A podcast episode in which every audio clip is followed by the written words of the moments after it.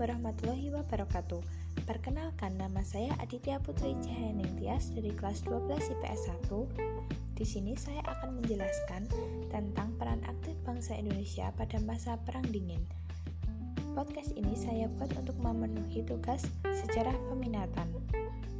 Perang Dingin 1947 sampai 1991 adalah sebutan bagi sebuah periode yang terjadi konflik, ketegangan, dan kompetisi antara Amerika Serikat beserta sekutunya yang disebut Blok Barat dan Uni Soviet beserta sekutunya yang disebut Blok Timur yang terjadi antara tahun 1947 sampai dengan 1991.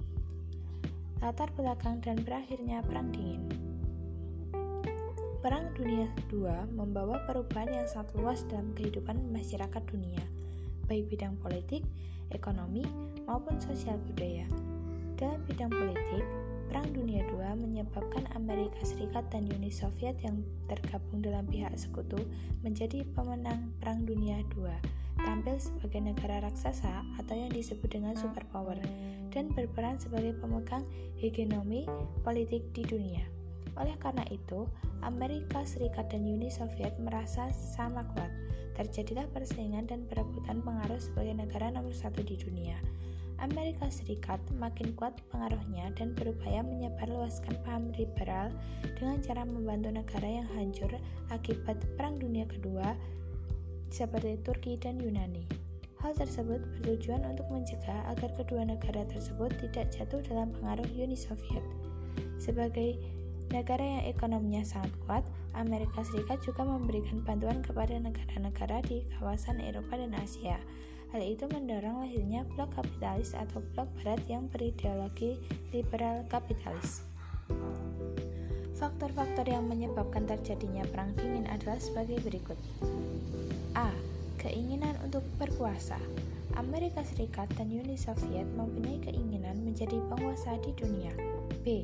Perbedaan paham. Amerika Serikat dan Uni Soviet sebagai pemenang Perang Dunia II memiliki paham atau ideologi yang berbeda. Amerika Serikat memiliki ideologi liberal kapitalis, sedangkan Uni Soviet berideologi komunis. C. Persaingan kekuatan militer Guna mengatasi berbagai perbedaan yang ada dan kepentingan untuk dapat berkuasa, maka negara-negara Eropa Barat dan Amerika Serikat mendirikan fakta pertahanan yang dikenal dengan nama NATO atau North Atlantic Treaty Organization atau Organisasi Pertahanan Atlantik Utara.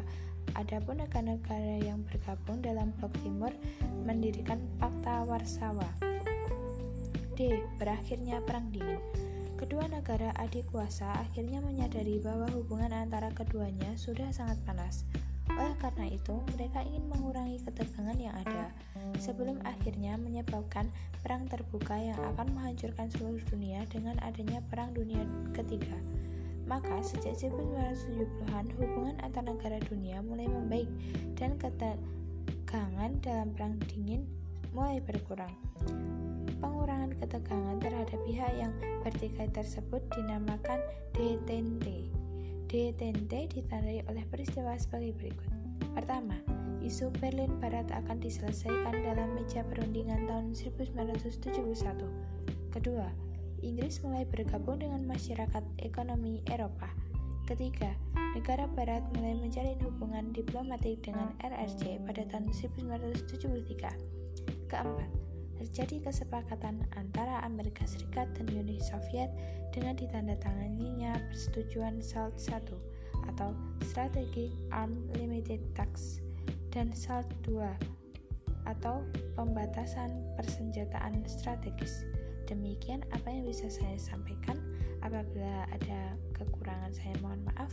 Wassalamualaikum warahmatullahi wabarakatuh.